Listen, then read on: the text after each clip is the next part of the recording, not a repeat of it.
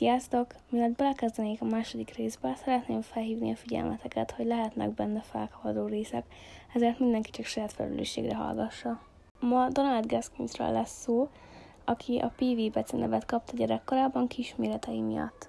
1933. március 13-án született Firenze megyében, Dél-Karolinában. Édesanyja nem volt férnél, ezért Donald gyermekkorában rengeteg férfi fordult meg a házukban. Azonban ezek a férfiak nagyon rosszul bántak a kisfiúval, gyakran megverték őt, vagy csak azért piszkálták, mert nekik ez szórakozás volt. Vagy volt olyan is, hogy kirakták az utcára, és egész éjszaka nem mehetett haza. És ezeket a bántalmazásokat édesanyja minden alkalommal hagyta, sőt olyan is volt, hogy elment pár napra, és Donaldot otthon hagyta egyedül. Az anyja végül férjhez ment, viszont állítólag ez az új férj minden egyes nap megvárta őt és négy féltestvérét. Ez az erőszak azonban nem csak otthon vagy hanem az iskolában is, ugyanis sokkal alacsonyabb volt a többi kisgyereknél, ezért nagyon sokat bántották őt. Amikor Donald 11 éves lett, akkor ott hagyta az iskolát, és autóban kezdett el dolgozni egy helyi garázsban, illetve segített a családi gazdaságban. Érthető módon rengeteg gyűlölet alakult ki benne az emberek iránt, főleg a nők iránt. A garázsban, ahol dolgozott, találkozott Danivel és Marshall, akik vele egyidős fiúk voltak, és szintén ott hagyták az iskolát. A Trouble Trio nevet adták maguknak, és elkezdtek otthonokban betörni, valamint prostituáltakat összeszedni a közeli városokban. Néha megerőszakoltak fiatal fiúkat, akik nem voltak hajlandóak barátkozni velük, majd megfenyegették őket azzal, hogy tudják, hogy hol laknak, hogy el nem mondják bárkinek is a történteket. A Tio felbomlott, miután lebuktak azzal, hogy Mars kis testvérét csoportosan megerőszakolták. Büntetésül a szülők kikötözték a fiúkat, és nagyon durván megverték őket. Ezután Mars és Dani elhagyta a környéket, és Donald egyedül folytatta a betöréseket. 1946-ban, 13 éves korában egy lány, akit ismert, megszakított egy betörést. A lány egy fejszével támadta meg, és el is találta, azonban valahogy Donald kezébe került a fejsze, és a fején, majd a karján is megütötte vele a lányt. Azonban a lánynak sikerült túlélnie, és letartóztatták Donaldot. Bűnösnek találták halálos fegyverrel és gyilkossági szándékkal elkövetett támadásért. 18 éves koráig a dél-karolinai fiúskolába küldték. A bírósági eljárás során Gaskins életében először hallotta valódi nevét.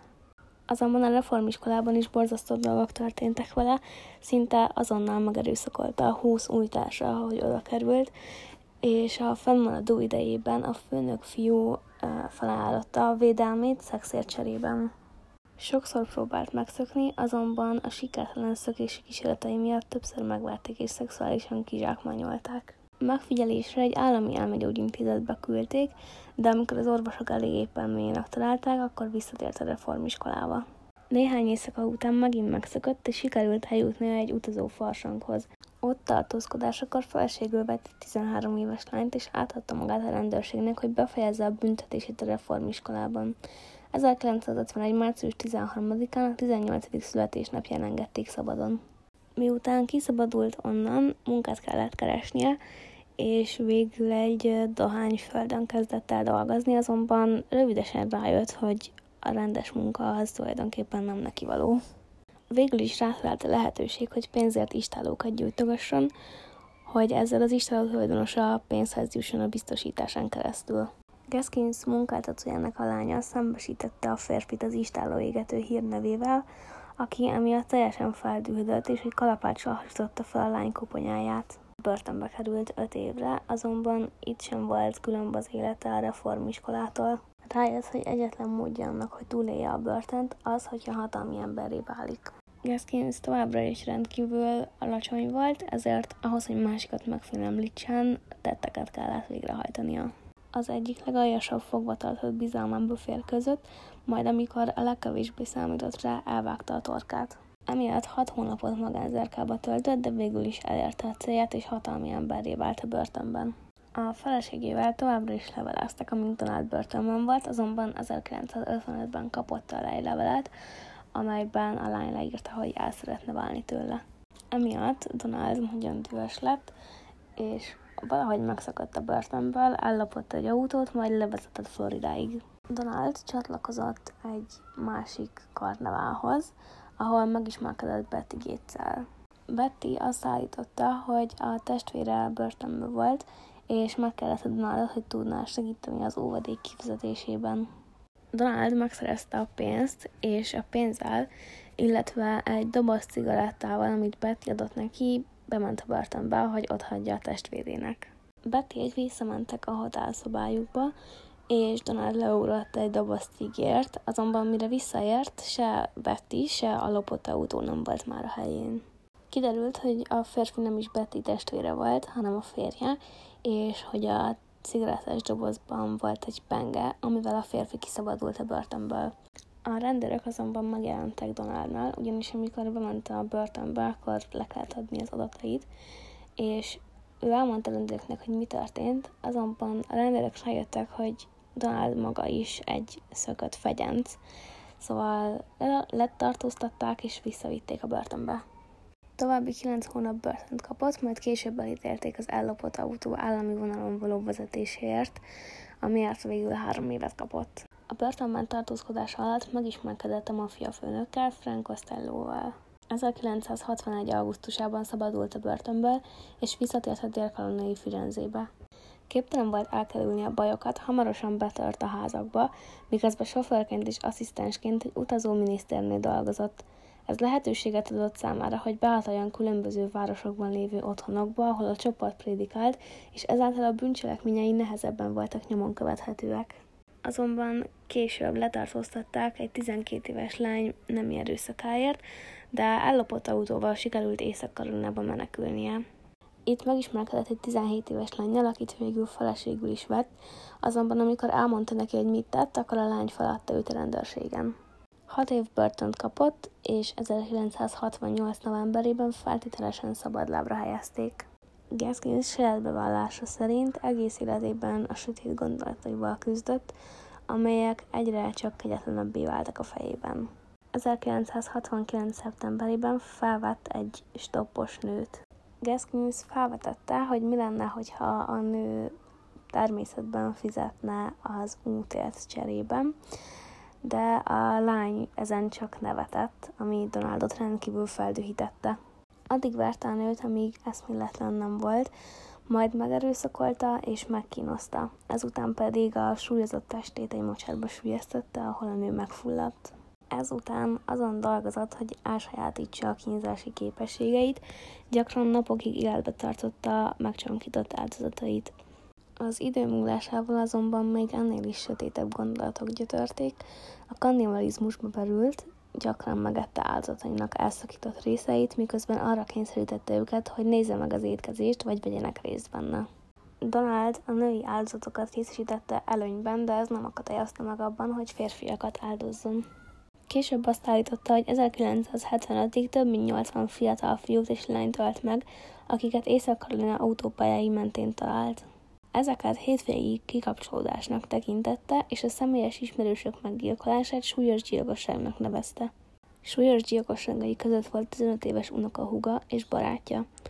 Egy elhagyott házba terelte őket, ahol megerőszakolta, megverte és végül megfullasztotta a két embert. Következő súlyos meggyilkolása a 20 éves Marta Dix volt, akit vonzott Gaskins, és egy autójavító műhelyben részmunkaidőben lógott körülötte. Ő volt az első afroamerikai áldozata is.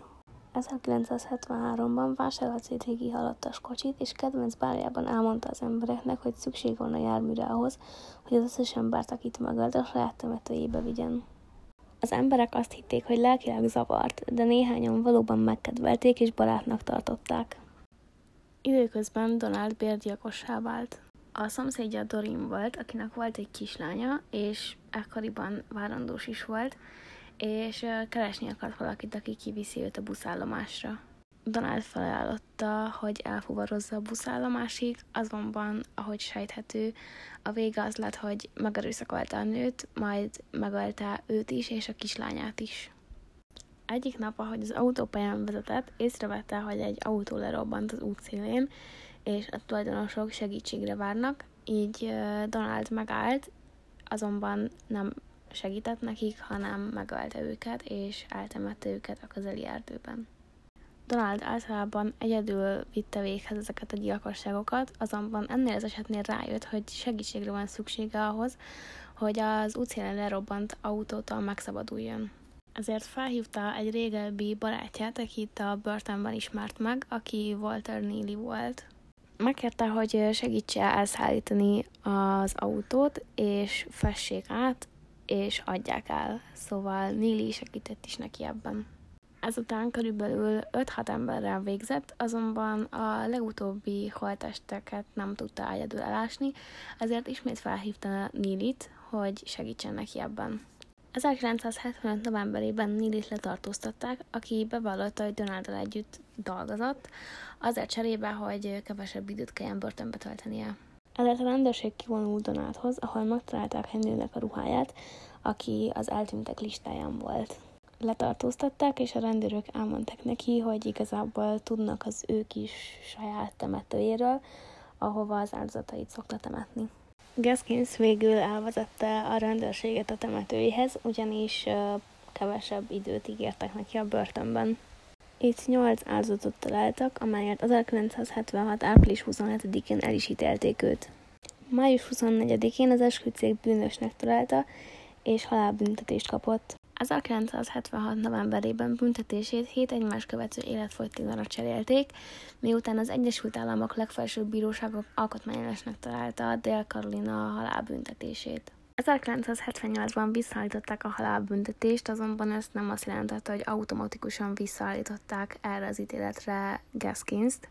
Viszont a börtönben megölte Rudolf Teinert, akit Rudolf áldozatának a gyermeke bérelt fel arra, hogy meggyakolja őt. Donaldot újra a halálbüntetésre ítélték, és mivel tudta, hogy egyre csak közeleg a kivégzés napja, ezért egyre több és több gyilkosságot ismert be, hát ha ezzel meg tudja úszni a halálbüntetést. Körülbelül 100-110 gyilkosságot vallott be. Az utolsó éveiben egy íróval dolgozott együtt, és végül 1993-ban megjelent egy könyve, amelyben a gyilkosságokról és annak érzéséről beszélt. A kivégzésének napján megvágta a csuklóját, abban reménykedve, hogy emiatt elhalasztják a kivégzését, azonban összeszedték őt, és a tervek szerint a székre helyezték.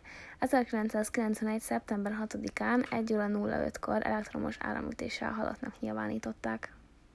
Sokan azt gondolják, hogy csak azért ismerte ennyi gyilkosságot, hogy ezzel saját magát fényezze, mert soha nem ajánlott fel bizonyítékot, és nem szolgáltatott információkat arról, hogy hol vannak a holdestek, de mégis az Egyesült Államok történelmének egyik legtermékenyebb sorozatgyilkosának tartják őt. Köszi, hogy velem tartottatok a mai részben is. A következővel hamarosan jelentkezem, addig is legyen további szép nyaratok. Sziasztok!